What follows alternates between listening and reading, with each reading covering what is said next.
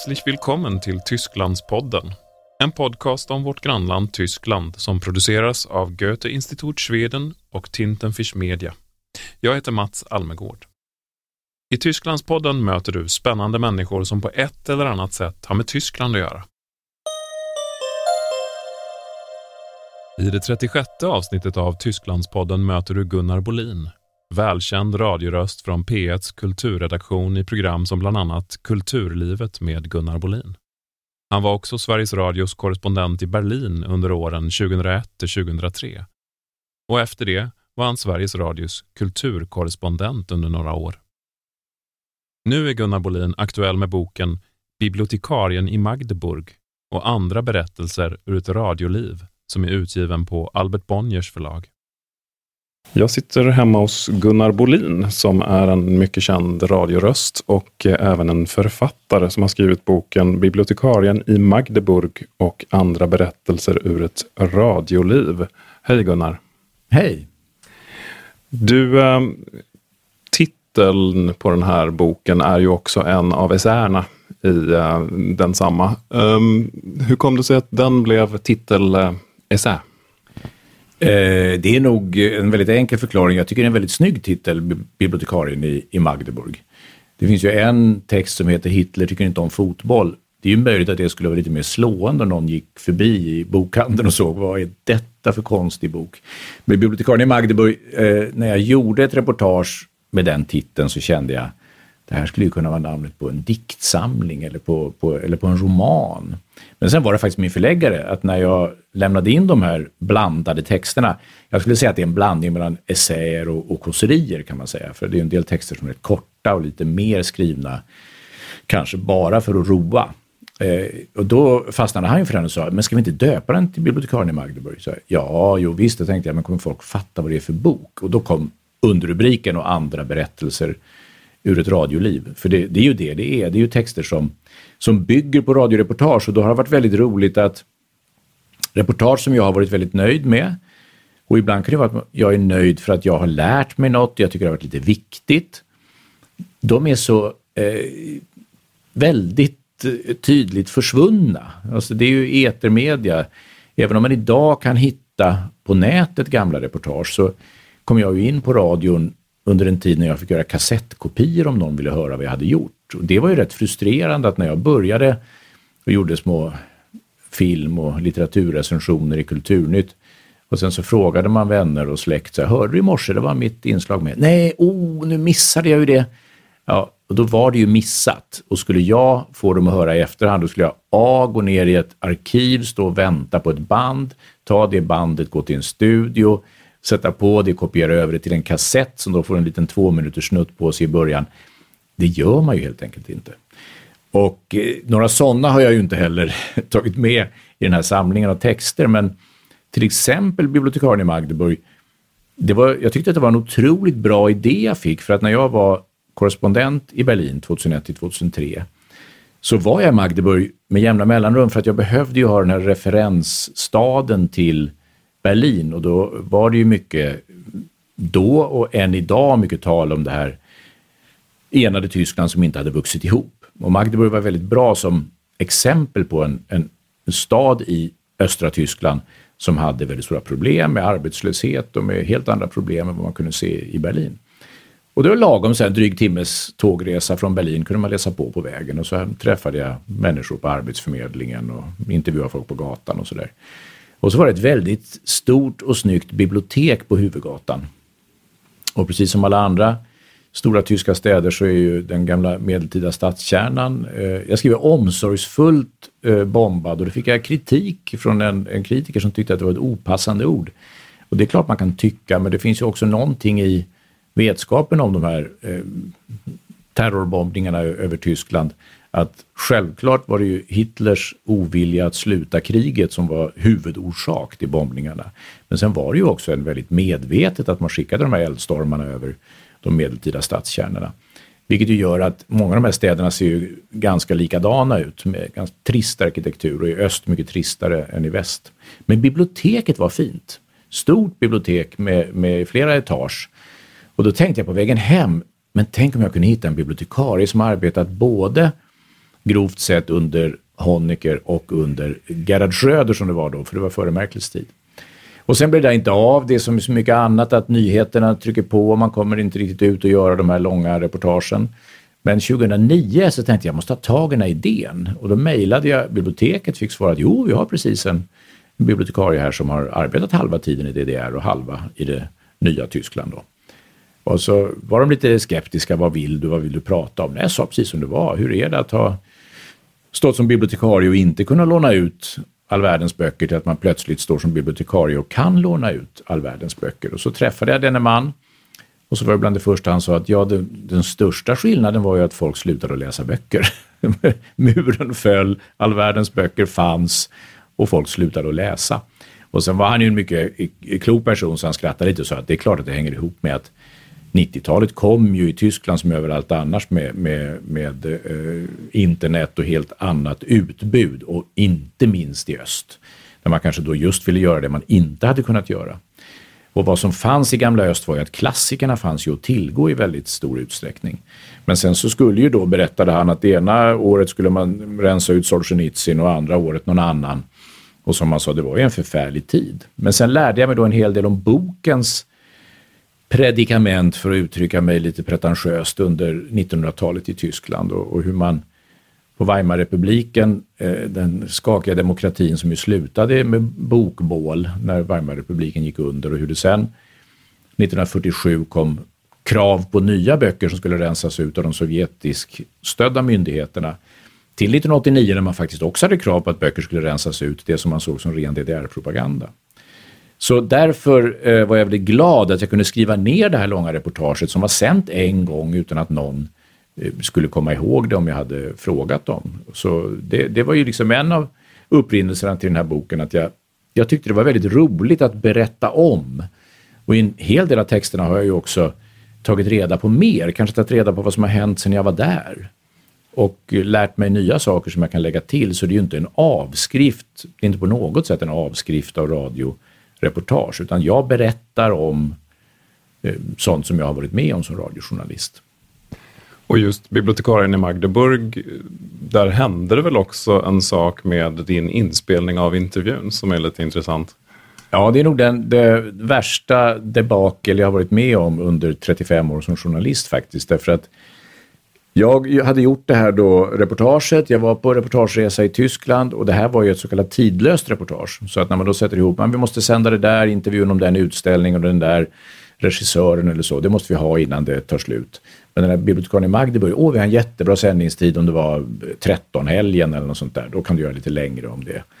Så det låg väldigt länge då i, i, min dator och sen så satte jag ihop det till sist och eh, det var bokstavligen så att en fredag gick jag från Radiohuset och då har man då alla ljudbitar inlagda på, en, på, som ska mixas ihop. Och när jag kommer på måndagen, då finns alla ljud utom själva bibliotekariens röst. Och då visade det sig att bibliotekariens röst hade jag lagt in först i datorn. Och på den tiden så automatraderades det efter, eh, jag tror tre månader. Och det hade då hänt. Så jag fick istället, eh, alltså det var ju en evig tur att det var en tysk intervju. Därför att den översätter man ju ändå, så jag skulle ju haft ja, 12 stycken 20 sekunders bitar som jag skulle sen översätta. Och då fick jag ta bort dem och tala själv hela tiden med lite andra ljudeffekter. Och det var faktiskt ingen som hörde av sig och frågade varför sa du bara och pratade där? Men det blev ju mer som ett skrivet reportage då. Men den känslan när, när man då på måndag morgonen, nej men det är tomt här. Och tänkte, ja, då, jag får hjälp av någon, det är någonstans. Nej, nej det, finns, det är inte någon soft delete, det är borta. Och så sprang jag ner, det var, som jag tyckte var, det var liksom som om DDR-myndigheterna hade ett finger med i spelet. Jag sprang ner till produktionsservice som det heter, som lånar ut bandspelare. Då var den bandspelaren jag hade lånat, den var kasserad för att den hade gått sönder.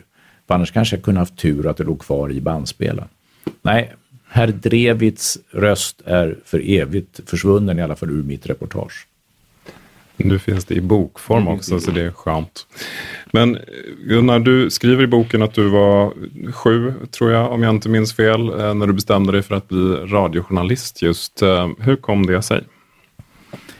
Eh, som jag beskriver i boken och som jag tror är, ganska sant är att, att väldigt många som blir journalister har nog varit, haft lätt för att läsa och skriva.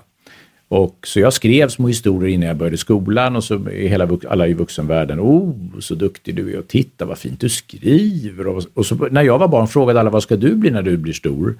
Jag har ingen minne av att jag har frågat mina barn om det, men det var en sån här standardfråga från alla vuxna.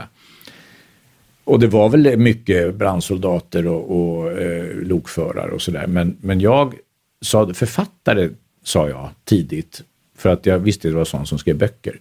Och det var nog så att jag märkte i den här vuxenvärlden att det var inte riktigt ett yrke och då lärde jag mig tidigt att det fanns något som heter journalist. Och då svarade jag det. Och sen var jag otroligt road av att höra på radio. Så att jag visste nog att jag ville bli journalist när jag var sju, men jag tror det dröjde kanske till jag var tio till jag var eh, radiojournalist. Och då önskade jag mig en bandspelare med mikrofon i födelsedagspresent. Och eh, jag fyllde år i oktober, så det var med andra ord 67. Och sen så var det OS i Grenoble.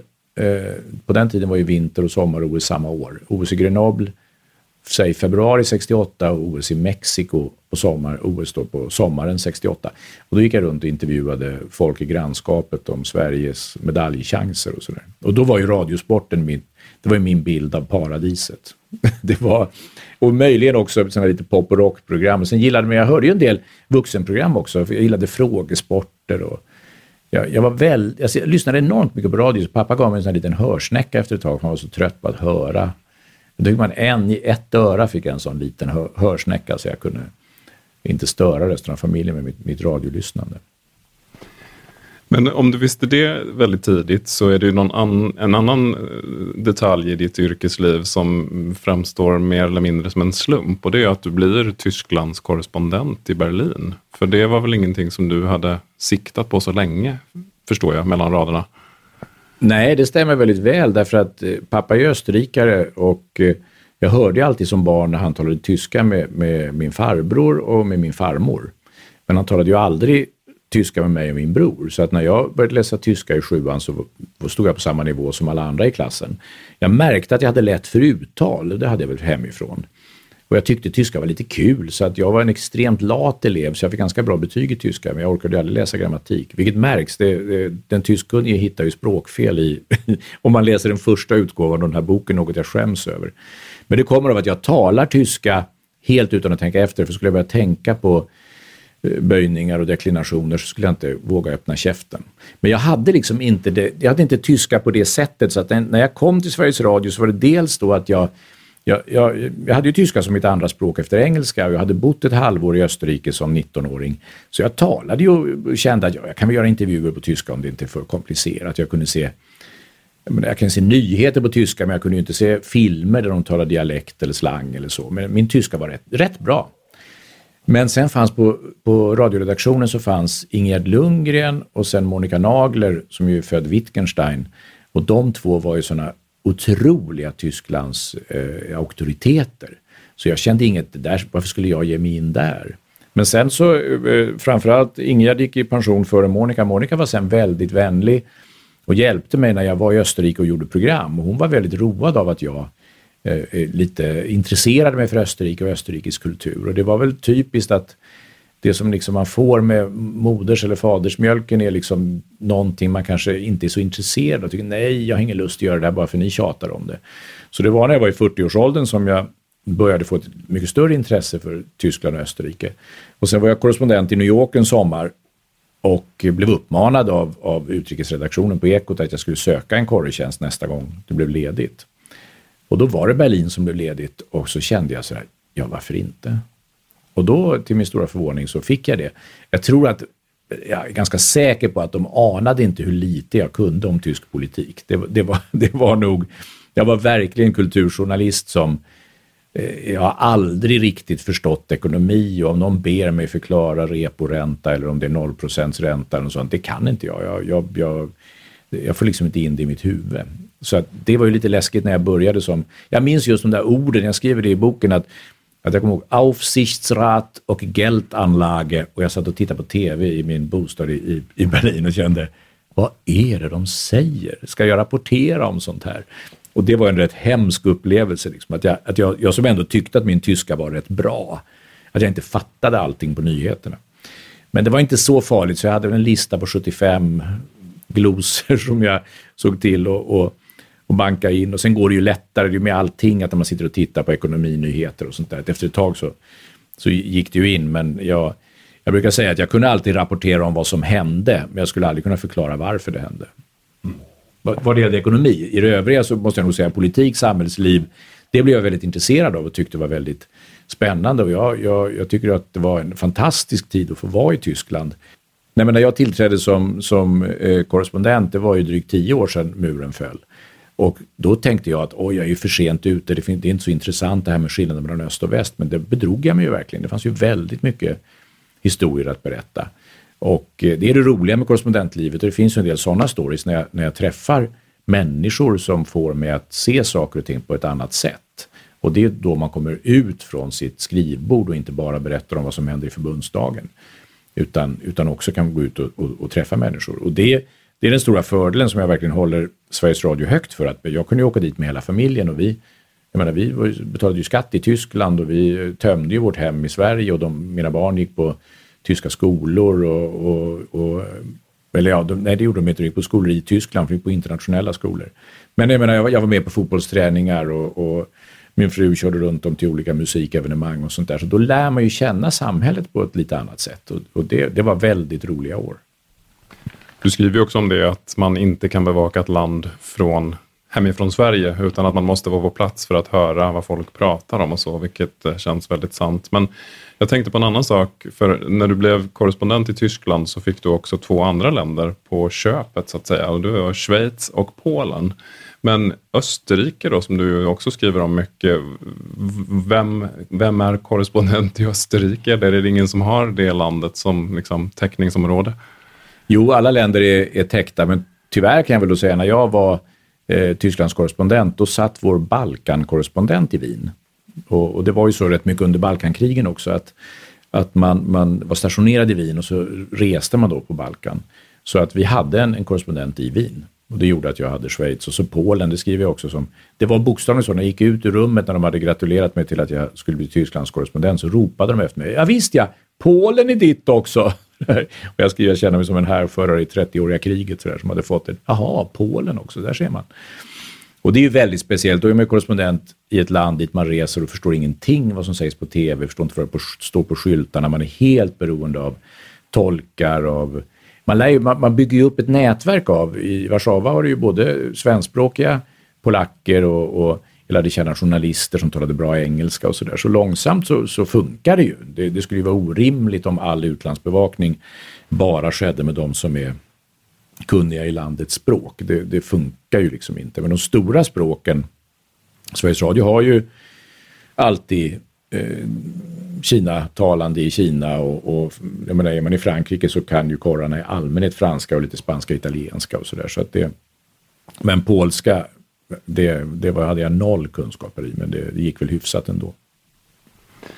Du tecknar ju en varm bild av Berlin, men du tecknar ju en ännu varmare bild av Wien i boken, skulle man kunna säga. Jag skrev ner eh, Stefan Zweig-titeln Världen av igår när jag läste, för att det är också ganska mycket Centraleuropa 1800-1900-tal som du känns som att du är lite nostalgiskt, fast, eller ja, du var ju inte med själv, men lite vemodigt kanske blickar tillbaka på. Vad, vad är det med den tiden och Centraleuropa som fascinerar dig? Ja, det som fascinerar mig är väl att det, det, det fanns ju områden i, i Europa ganska nära oss som var mångkulturella eh, väldigt länge. Och Centraleuropa är ju det främsta exemplet. Sen ska man inte idealisera och tro att det var eh, eh idel eh, eh, solsken och gröna ängar, utan det var, fanns ju förstås antisemitism och det fanns enorma motsättningar mellan olika folkslag och, och, och språkgrupper. Men det var ändå så att i, eh, jag menar vissa det var inte ovanligt om du tänker dig till exempel det som idag är västra Rumänien, en stad som Cluj, som heter Klausenburg på, på tyska och Kolosvar på, på ungerska. Att jag tror att det var, oh, nu tar jag det ur huvudet så tar jag inte det här som fakta, men säg att det var 40 procent ungerspråkiga, eh, 30 procent tyskspråkiga, 20 procent rumänsk, 10 procent jiddisch och lite annat. Alltså, och det var ju väldigt vanligt att städerna såg ut så. Och det där känner jag, ja där kan man nog känna ett vemod, att om det är något som Hitler fick rätt på, det var ju att vi har ett etniskt rensat Europa. Och den rensningen fortsatte ju då även efter eh, eh, Hitlers härjanden att tyskarna fördrevs också. Och eh, judarna vet vi vad som, vad som hände med och romerna bor i, i getton idag. Liksom. Så att det, eh, jag, jag, jo, jag, har en, jag har faktiskt en, en varmare känsla för Wien än Berlin. Det betyder inte att jag tycker mer om Wien, utan jag känner mig mycket mer hemma i Wien.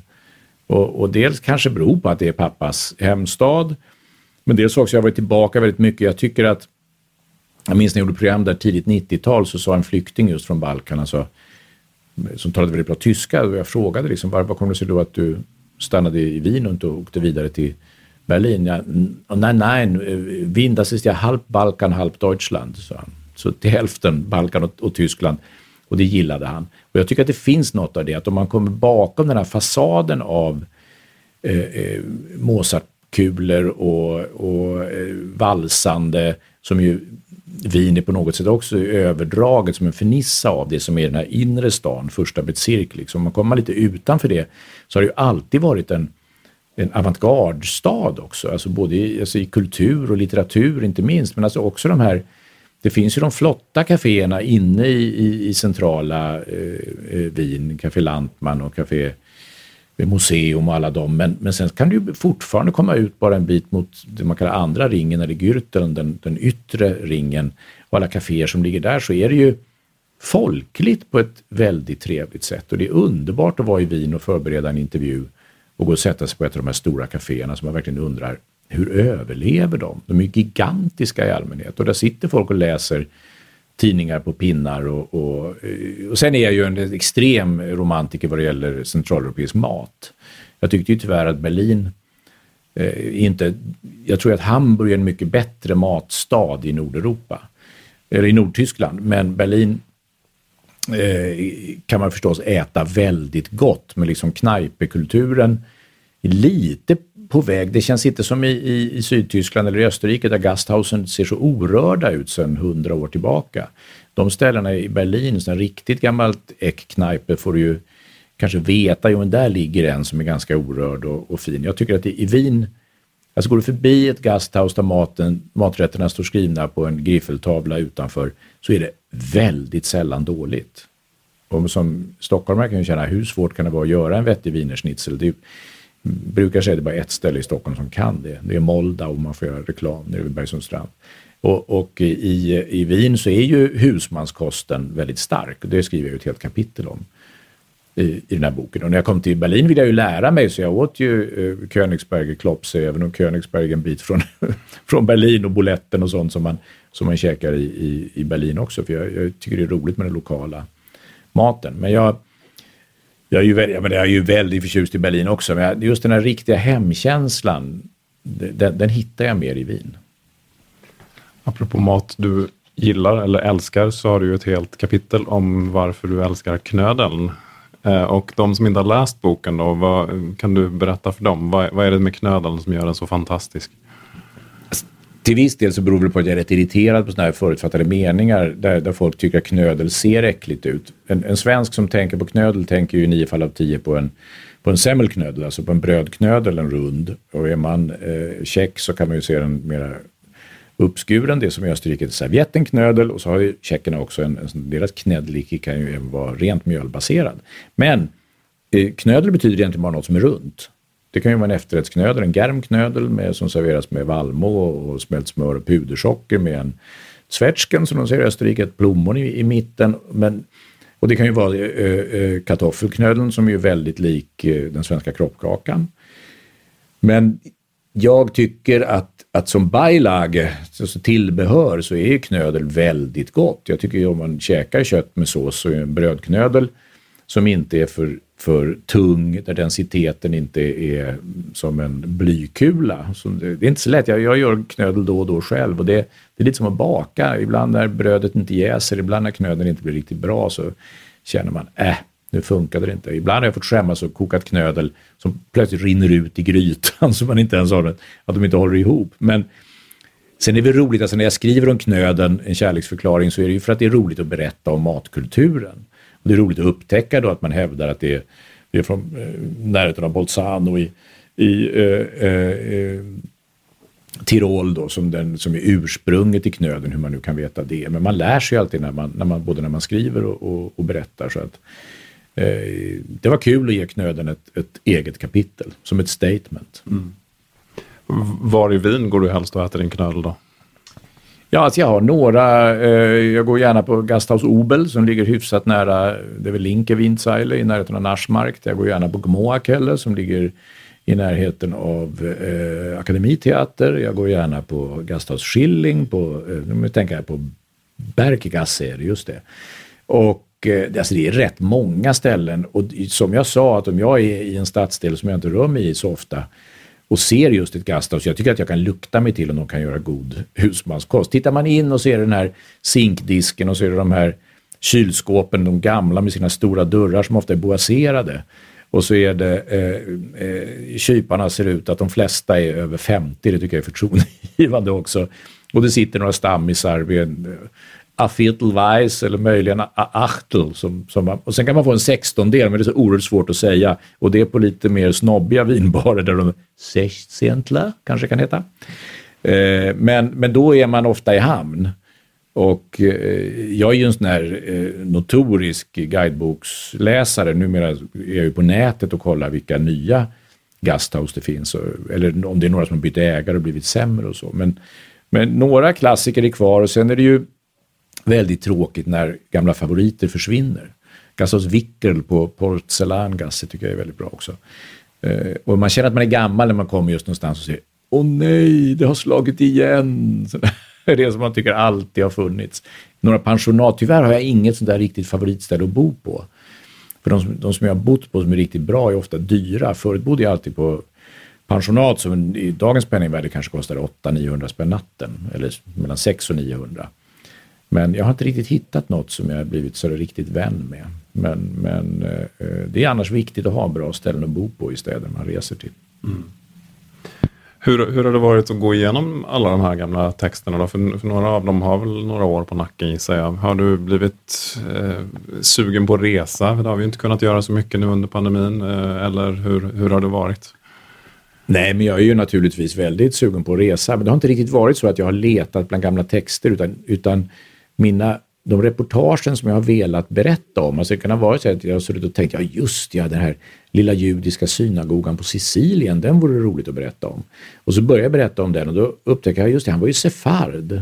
Alltså, skillnaden mellan sefardiska och askenasiska judar, det orkar jag inte gå in på i detalj här, men de har ju då sina rötter i, i Spanien där de kastades ut sent 1400-tal, sefarderna.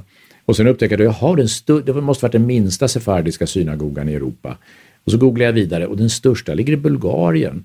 Så, ja, men där har jag ju också varit. Och då kan man då skriva ett kapitel om det. Så det är inte så att jag har gått, jag är också lite för slarvigt lagd. Eh, klart jag hittar väl texter om jag letar i olika lådor. Men det har vanligare varit att jag har gått bakvägen, att jag vill berätta om knödel och då kommer jag ihåg att jag också har gjort radioprogram och sen är jag i Wien kan jag alltid berätta om något som jag har talat om i radio. Och är jag i, i, i, Bulgarien så kan jag då ta reda på vem var det som ritade den där synagogan? Jaha, han hette Grünauer tror jag. Då är det roligt att läsa på och väva in det. Vem var det och varför ritade han eh, plötsligt då synagoga i Sofia? Och han bodde ju eh, liksom 90 mil därifrån och då kommer man in på Habsburg igen, även om då Sofia inte var del av det Habsburgska. Men, men det, det är mera så det har gått, associativt och lite ifrån saker jag vill berätta om som jag känner det här är kul, det vill jag sätta in igen. Det är också så det känns när jag har läst. Det har varit roligt och underhållande att hänga med på resan. Stort tack för att du ville vara med i Tysklandspodden Gunnar. Varsågod. Gunnar Bolins Bibliotekarien i Magdeburg och andra berättelser ur ett radioliv är utgiven på Albert Bonniers förlag. Och det var allt för denna gång. Tysklandspodden är slut för denna gång. Tysklandspodden produceras av Tintenfisch Media AB för Goethe Institut Schweden. Ljudproducent är Andreas Tilliander. Har du förslag på någon som du vill höra i Tysklandspodden? Mejla info-stockholm-goethe.de och berätta det. Vi hörs snart igen. Auf Wiederhören!